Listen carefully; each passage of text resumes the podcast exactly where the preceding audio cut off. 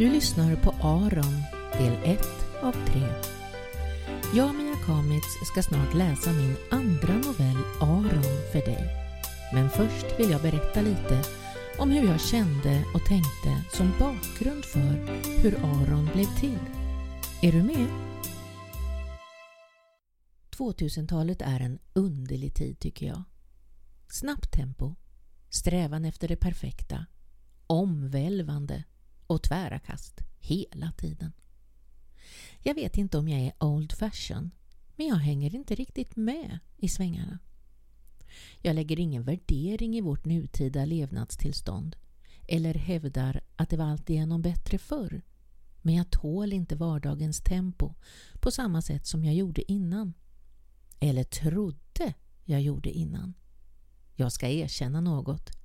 Egentligen tålde jag nog inte tempot och trycket när jag var yngre heller. Men konsekvenserna av karusellen visade sig först senare. När helt sonika kropp och knopp satte stopp. Plötsligt var gränsen nådd. Väggen stod solid framför mitt pannben. Blev jag tagen på sängen? Ja. Hade jag fått varningstecken? Ja. Blev jag ändå överraskad? Ja. Jag var ingen stålkvinna som jag hade trott. Jag kunde inte pressa mig en enda sekund till. Jag kunde från en dag till en annan inte stå upp på mina ben. Kort och gott har jag provat på tillståndet utmattad. Det är pinnhålet över stress. Då man skyndar sig, jobbar hårdare, blir svett och får hjärtklappning men klarar uppgiften på mållinjen skakig och slut men nöjd och i hamn. Jag svimmade i soffan på fredagskvällen och var på banan igen måndag morgon och jag hade lyckats trycka in någon trevlighet på lördagen också bara därför att det hörde till. Jag blir trött bara jag tänker på det. 30 år gammal och en virvelvind.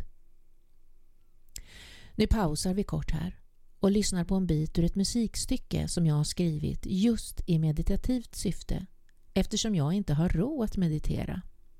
Jag har hittat ett eget sätt då jag kan vara kreativ samtidigt som jag varvar ner. Att skapa musik. Det här stycket tillhör min andra novell Aron. När jag skriver och spelar in musik blir jag alltid lika uttömd, avspänd och nollställd.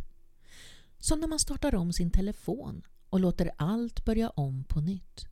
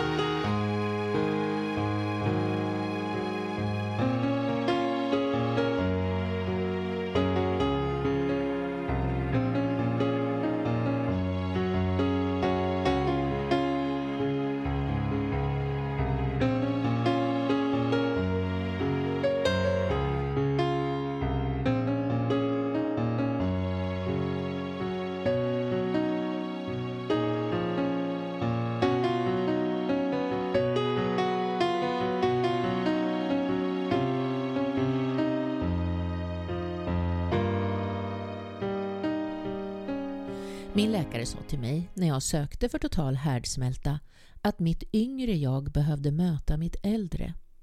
Först tänkte jag, jaha, jag börjar bli gammal. Men sen tänkte jag ett varv till. Jag är väl inte gammal? Jag har ju inte fyllt 50 än.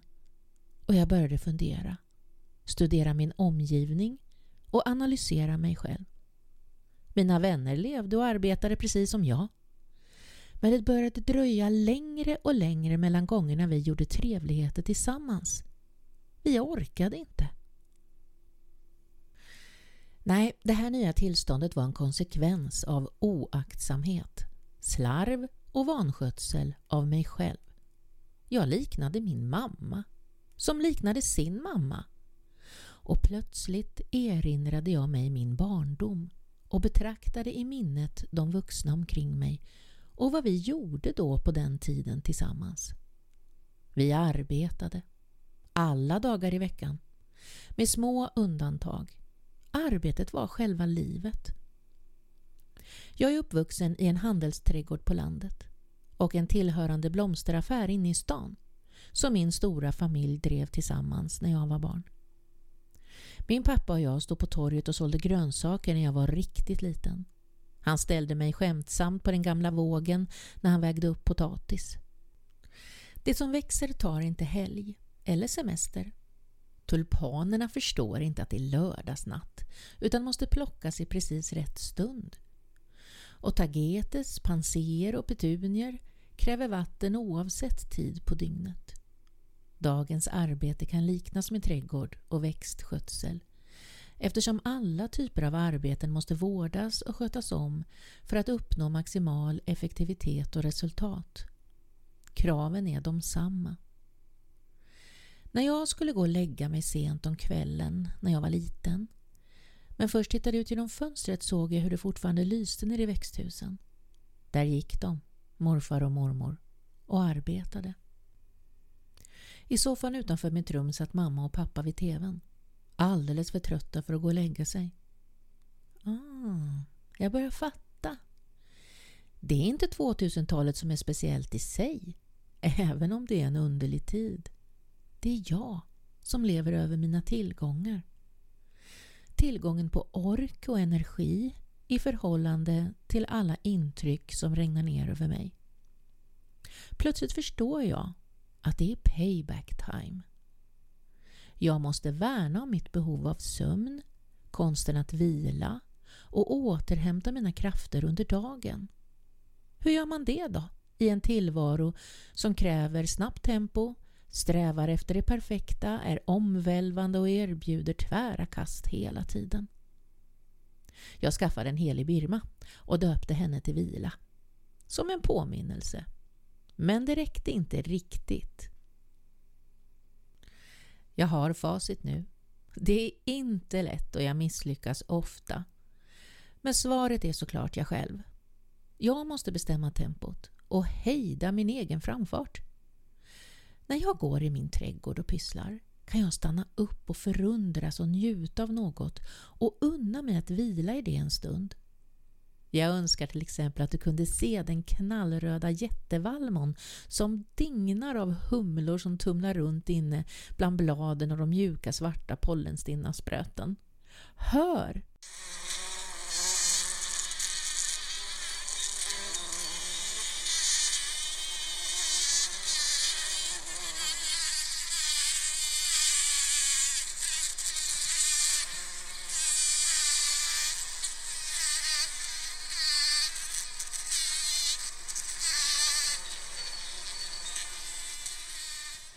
Varför ska det vara så omöjligt att stanna upp på samma sätt i vardagsarbetet på jobbet? Möten med oändliga och omedelbara behov och hur mycket jag än försöker åtgärda rinner bara mera till. Hur sållar jag? Hur ska jag begränsa arbetet för att hålla samtidigt som jag gör tillräckligt? Det är svårt, men jag måste ju inte vara perfekt hela tiden.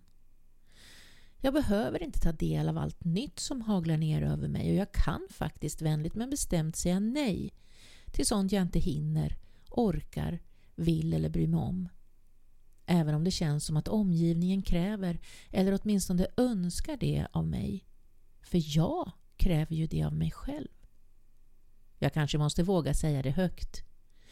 Kanske får jag till och med ett förstående bemötande. Vi är ju trots allt människor allihop tillräckligt bra. Jag tränar varje dag på det. Det kan gå. Det ska gå. Ibland går det faktiskt helt okej en lång period och då glömmer jag lätt bort mig och faller in i gamla invanda mönster igen. Då klämtar varningsklockorna i kroppen, tutar och trumpetar. smärtar och skrämmer mig till lydnad och jag lyder. Lyssnar på kroppens signaler. Börjar om igen. För gör jag inte det min pappa fick hjärtinfarkt och dog när han bara var 47 år. Jag har passerat det och vill gärna fördubbla den siffran om jag kan. Jag vill leva. För det finns så mycket som jag vill göra och hinna med och... App, app, app. Ja visst ja. Släpp gasen Mia. Om jag släpper gasen så kanske jag hinner en del av allt det där jag vill.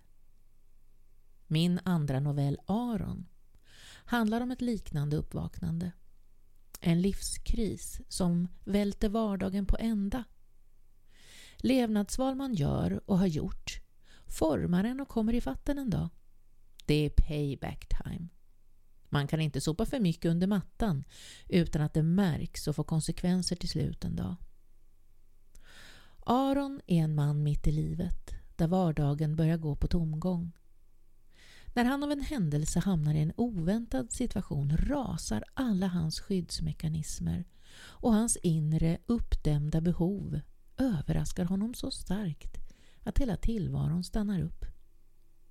I den paus som uppstår vaknar tankar och sidor hos honom som han knappt visste fanns eller som under så lång tid varit undangömda och bortskjutna att de nu blir ostoppbara.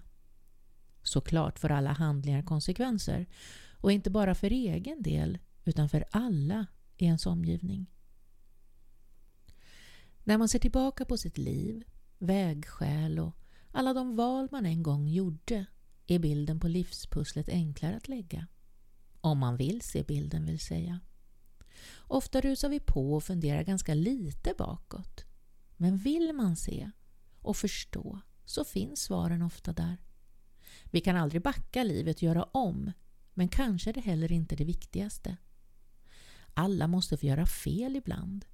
Av misstagen skapas också nya vägar och möjligheter som inte nödvändigtvis behöver vara sämre. Det viktigaste är nog att som vanligt inte rusa på utan lyssna in hur valen och händelserna påverkar dig själv och din omgivning. Vi kan inte gå tillbaka och göra om men vi kan vara uppmärksamma, lyssna, uppfatta och kompensera för besluten vi fattade och ibland faktiskt orka sätta sig in i hur andra känner och en gång kände. Du påverkar. Jag påverkar. Vi påverkar varandra. Jaha, blev du ledsen? Besviken på mig? Aron rusade på precis som jag och konsekvenserna för hans livs handlande blev överraskande. Tack för att du har lyssnat så här långt. Hoppas du nu är sugen på att höra på novellen. I nästa avsnitt läser jag första delen för dig. Hoppas du ska tycka om den. Må så gott nu och ta hand om dig tills vi hörs igen. Hälsningar från mig, Mia Konitz.